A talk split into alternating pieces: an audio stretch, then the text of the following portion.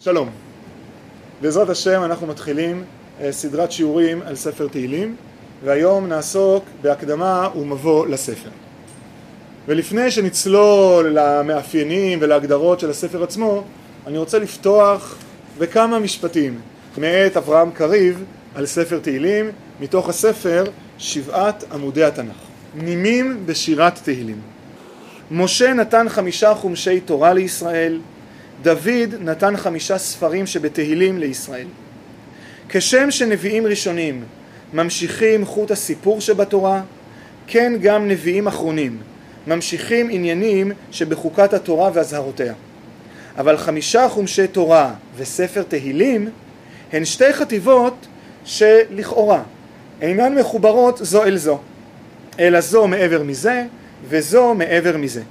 בתורה הכל בא מלמעלה, הכל בקוף. מאלוהים אל האדם, כה אמר השם. ואילו בתהילים, כיוונו של הכל הפוך מזה. מעם האדם הוא שלוח אלי מעלה. כל אדם שבתהילים איננו מענה על הכל הבא אליו מלמעלה. כי אם כל הבא מתוכו הוא, כל שוועתו וכל התרוננותו, כל שמשתנה חליפות, כמשפט אדם, אך ככל שהנחלים הולכים אל הים, כן הולכים פה כל פלגי כל אדם אל אלוהים. ספר תהילים הוא אפוספירה דתית בפני עצמה. תורה ונביאים משמיעים דרישת אלוהים מהאדם. בתהילים אדם מביע זיקתו לאלוהים. זיקה ללא סדק וללא תנאי.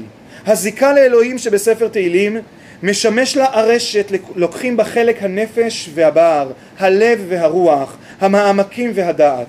פעמים אלו או אלו, ופעמים בפעום וברון יחד כל מוסדי אדם. עצם צמיחתו של ספר תהילים בזמנים קדומים, הרי זו עדות לישראל. כי אם כל מרי תוכחות הנביאים ומרי זעמם, לא פסו בישראל דבקי אלוהים עד כלות. ולעומת פורעי מוסר ורוח למיניהם מנשבת בספר תהילים רוח שפעים של רום האמונה והמוסר הישראלי. עם משפטים אלה בחרתי להתחיל את השיעורים שלנו על ספר תהילים, את ההקדמה לספר תהילים, כדי לזכור מהו ספר תהילים וכיצד הוא מלווה אותנו כאנשים פרטיים ואת העם כולו באירועים שונים, בדורות שונים, בתקופות שונות, במצבים שונים של אדם פרטי, ובכולם יכול לגלות האדם את אשר על ליבו. נפתח בארגון מסוים של ספר תהילים דרך כמה שאלות בסיסיות שאני מעוניין לשים אליהם לב. השאלה הראשונה שנשאל היא מה דרגתו הרוחנית של ספר תהילים על פי מה שמקובל בתוך בתי המדרש. ועל השאלה הזאת אני נשען על דברי חז"ל שאומרים לנו שספר תהילים הוא חלק מהכתובים שבתנ"ך וכתובים הכוונה ברוח הקודש ועל הרמב"ם שבחלק ב' ממורה נבוכים פרק מ"ה אומר במפורש ואני מצטט רמב"ם מורה נבוכים חלק ב' פרק מ"ה הדרגה השנייה בנבואה היא שאדם מרגיש כאילו דבר מה שרה עליו וכוח אחר מופיע עליו פתאום ומדובב אותו. אז הוא מדבר פתגמי חוכמה או שבח או דברי הטפה מועילים, או דברי הנהגה, או דברים אלוהים. בקיצור, הכתובים. ספר תהילים כדברי שבח, ספר משלי וקהלת כדברי חוכמה, ספר דניאל כדברי חזון אלוהים, ספר אה, עזרא ונחמיה ודברי הימים, ורות ואסתר כדברים היסטוריים, וכן הלאה וכן הלאה. כל זה במצב של ערות, ערנות, ולא התעלפות, כמו שהרמב"ם מבין נביאים שמקבלים נבואה, ופעולת חושים כהרגלם. וזהו אשר נאמר עליו שהוא מדבר ברוח הקודש. באופן זה של רוח הקודש חיבר דוד את תהילים. וממשיך הרמב"ם, חייבים אנו לעורר תשומת לב לכך שדוד ושלמה ודניאל הם ברמה זאת של רוח הקודש ואינם ברמתם של ישעיהו וירמיהו ונתן הנביא וכל שאר הנביאים שעליהם נאמר ויהי דבר השם אליי אז קודם כל זה ספר תהילים. כל האדם, לפי מה שלמדנו על פי אה, אברהם קריב, ורוח הקודש שמפעמת באדם במצב של ערנות בדוד המלך ובשאר המחברים, עוד רגע ניגע בזה, וכך ספר תהילים בעצם נכנס לתנ"ך. מי חיבר את ספר תהילים? התשובה המרכזית שאנחנו שומעים בדרך כלל דוד, דוד המלך. אבל צריך לדעת שדוד המלך חתום בצורה מפורשת על 73 מזמורים. לדוד מזמור, מזמור לדוד, משכיל לדוד וכן הלאה וכן הלאה. מה עם שאר המזמורים? ומה נעשה עם מזמורים שמדברים ומתארים מצבים שלא היו בימי דוד, בית המקדש למשל, כמובן חורבן ירושלים, שיבת ציון.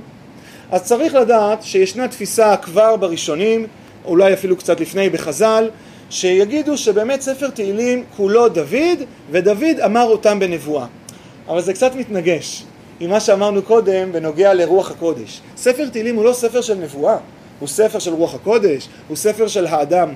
ולכן אני אנקוט בגישה שנמצאת כבר אצל חז"ל, אבל גם אצל מפרשים אה, מאוחרים יותר, שספר תהילים נכתב על ידי דוד בחלקו, בחציו בערך, ועל ידי עוד אנשים שמופיעים במפורש בשמותיהם בספר תהילים, כמו הימן ואיתן ובני קורח ואסף וכן הלאה וכן הלאה, וגם על, עוד, על ידי אנשים אנונימיים שהתחברו לספר התפילות הגדול של עם ישראל, שליווה בעצם את התקופות אה, של התנ"ך, ו- וכך זה נכנס לתנ"ך.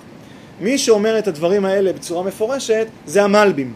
המלבים בהקדמה שלו לספר תהילים טוען כך: בית קודש הקודשים, בית האוצר היקר הזה, מלא יקר כל קודש, מלא הדר כל כבוד ועיזוז, עוצר בתוכו כל מחמדנו, אשר היו לנו מימי קדם, בעוד רוח השיר חי בפי שרי קודש, בעוד התנוסס רוח השם על נעים זמירות ישראל עלי היגיון בכינור, אבל גם כל עוד יתהלך רוח השם בארץ, וישכון כבוד על נביאיו וחוזיו, על מוצאי שכל טוב ורוח נדיבה, לדבר או לשורר ברוח הקודש, שערי האוצר הזה לא סוגרו, כי עוד הוסיפו זקני דור ודור, ולא רק זקני דור ודור, יכול להיות גם אנשים אחרים שהצטרפו ושרתה עליהם רוח הקודש. בהקשר הזה, למלא אסמיו תבואת הדורות.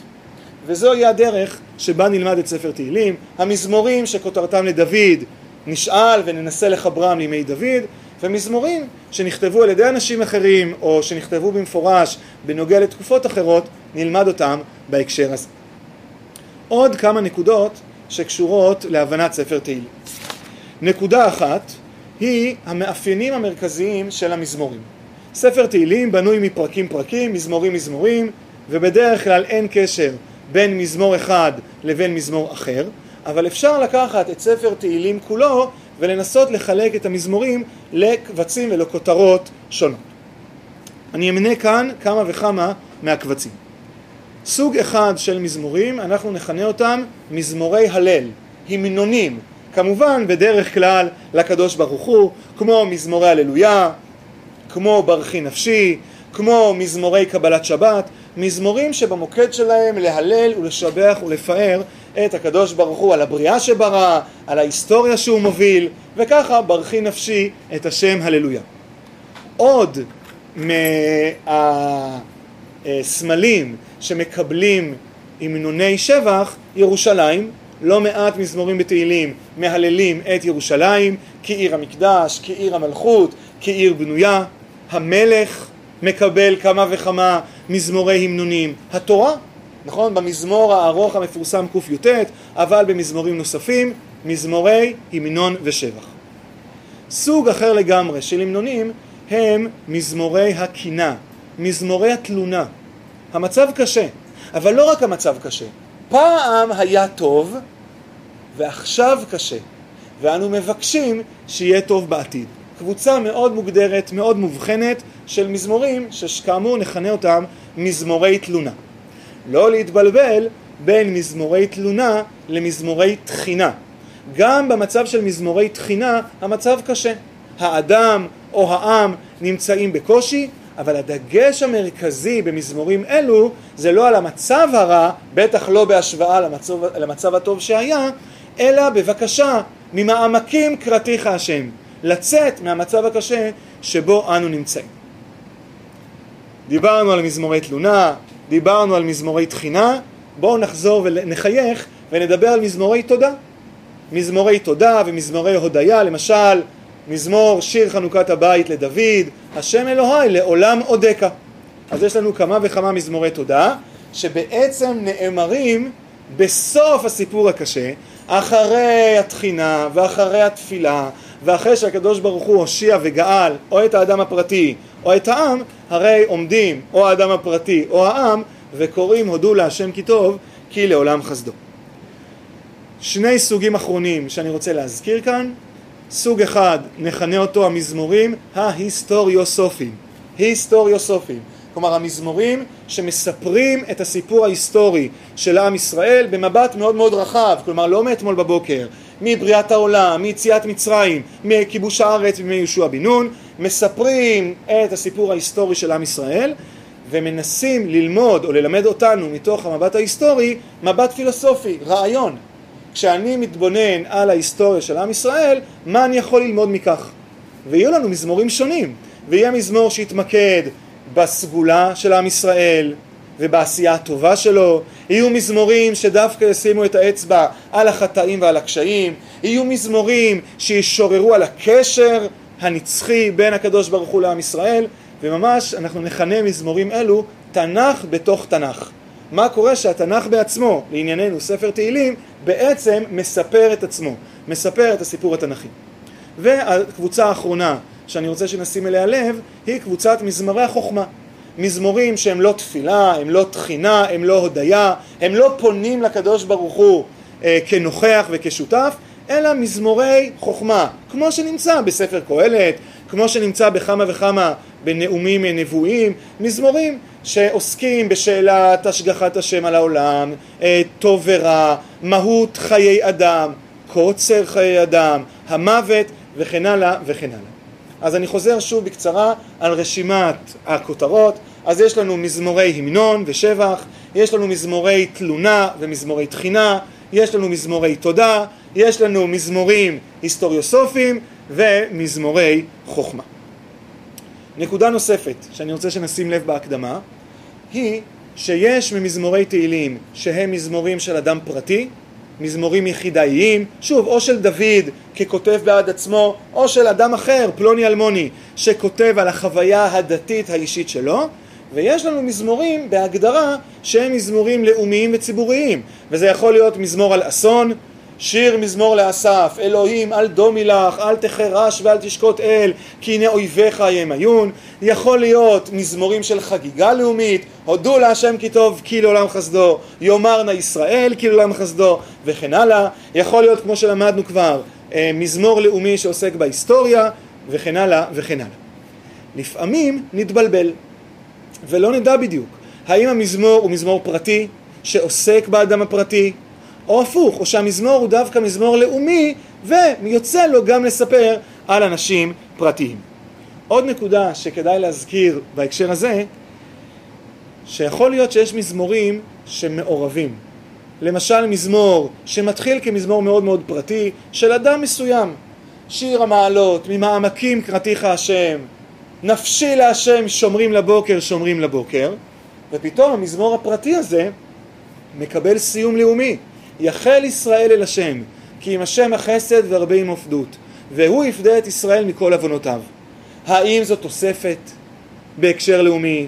האם האדם הפרטי מיצה את החוויה הפרטית שלו ובעצם הפך את החוויה הפרטית שלו למבט לאומי? על כל זאת ועוד נלמד שנגיע למזמורים האמורים.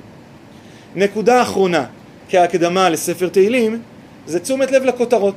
ולספר תהילים לכל מזמור יש כותרת, ליתר דיוק 126 מזמורים יש להם כותרת, 24 מזמורים נקראים מזמורים מיותמים, אין להם כותרת. הכותרות יכולות להיות כותרות של שמות של דמויות, כמובן דוד, אבל גם בני קורח ואסף. יכול להיות כותרות על אירועים, מזמור לדוד בבורכו מפני אבשלום בנו, אבל גם יכול להיות על אירועים של אה, למשל מזמור שיר ליום השבת, או מזמור לתודה. כלומר מזמורים שיש להם קשר עם הכותרת שלהם לעבודת המקדש. בעיוננו אנחנו נדון גם במקום של הכותרות ובקשר בין הכותרת לבין המזמור. אם כן, כשיעור הקדמה לתהילים, נתתי כאן כמה וכמה היבטים וכמה וכמה מאפיינים אה, של הספר, דיברנו על השאלה אה, מי חיבר אותו, אה, מה רמתו הרוחנית, כמו שקראנו לזה על פי הרמב"ם, רוח הקודש, מאפיינים שונים של המזמורים, של הכותרות, ואני בוחר לסיים, כפי שהתחלתי, בדברים נוספים שכותב אברהם קריב בסוף המאמר שלו על נימים בספר תהילים, והוא מסיים כך: עם תהילים. לצד חמישה חומשי תורה שהם המסד של אמונת ישראל וייחוס ישראל דבק עמנו לדורות, עמנו לדורותיו בספר תהילים. ספר לעם ישראל כולו, לכל דור ולכל יחיד שהיה על מה לו להתפלל. חיים יהודיים שלמים מסורגים בתהילים, מחולחלים בתהילים, כל שעה גבוהה שבחיים, כל שעה עמוקה שבהם, כל מאורע שרישומו ניכר, ליווי של תהילים עליהם. רווח בקרב עמנו אמירת תהילים. תורה למדו, תהילים אמרו. וכך הדבר בעניין תהילים. תורה נקלטה בשפתיו של העם ובעצם נשמתו. על ידי אמירת תהילים, דור אחר דור, נעשתה הנשמה היהודית ספוגת תהילים, ועד כדי כך שאומר אברהם קריב, מכל ספרי נביאים וכתובים מכריע חלקו של ספר תהילים בגיבושו של הטיפוס היהודי הצרוף. לא נגזים אם נאמר כי עמנו יצא מכור מצרף של ספר תהילים, ואולי לצד התואר עם הספר יאה לנו גם התואר עם תהילים. תודה רבה ונמשיך.